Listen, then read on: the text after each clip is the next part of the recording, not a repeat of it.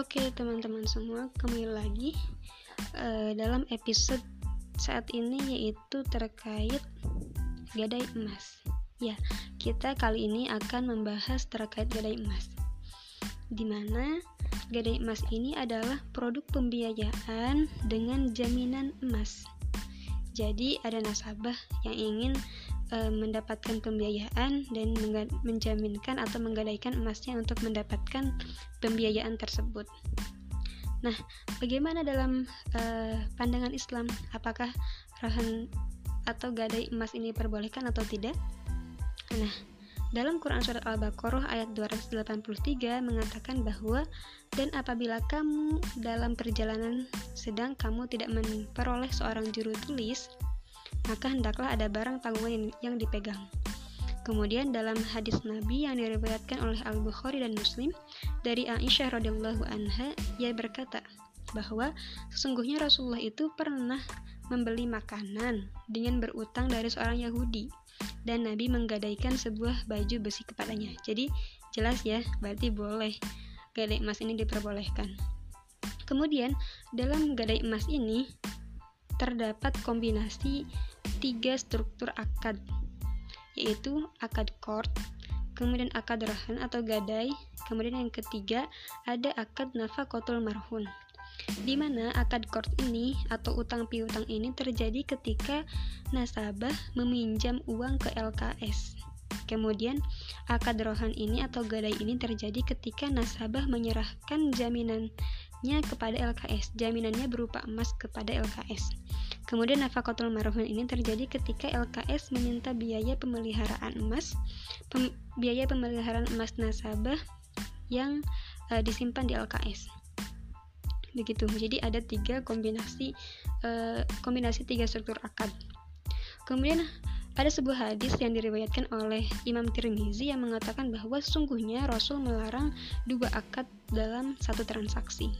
Maka hadis yang dimaksud uh, Imam At-Tirmizi ini adalah multi akad yang dilarang karena akad-akad tersebut atau uh, dua akad atau lebih tersebut menjadikan modus atau rekayasa untuk mendapatkan pinjaman yang berbunga.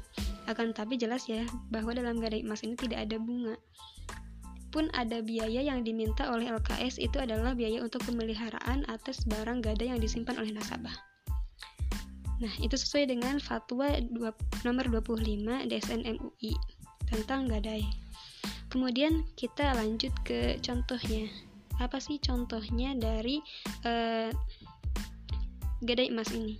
Misal, ada seorang ibu, misalkan kita sebutlah ibunya Ibu Aisyah. Kemudian Ibu Aisyah ini sedang membutuhkan uang untuk renovasi rumahnya.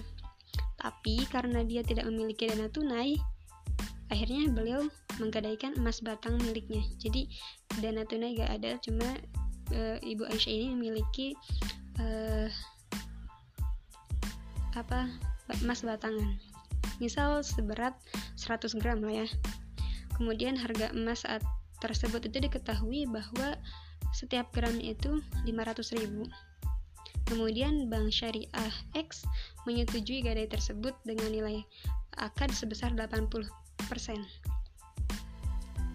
dan biaya sewa titip emas dikenakan sebesar 50.000 per bulan dengan jatuh tempo gadai selama 3 bulan misal maka e, dana yang didapatkan oleh atau pinjaman pinjaman atau pembiayaan yang didapatkan oleh Ibu Aisyah tadi adalah sebesar 40 juta rupiah yaitu 80% dari e, total berat dan harga dikali harga. Kemudian biaya titip sewanya berarti 50.000 dikali 3 bulan, berarti 150.000. Gitu. Jadi eh, apa? Tetap pinjamannya tetap segitu, bayarnya 40 juta. Kemudian eh, yang tadi 150.000 itu adalah bukan tambahan atas pinjaman yang dilakukan oleh Ibu Aisyah, akan tetapi itu adalah biaya, biaya sewa atas penitipan emas uh, yang digadaikan oleh uh, Ibu Aisyah tadi. Ya, mungkin itu sekian uh, penjelasan singkat terkait gadai emas ini. Uh, semoga bermanfaat dan Assalamualaikum warahmatullahi wabarakatuh.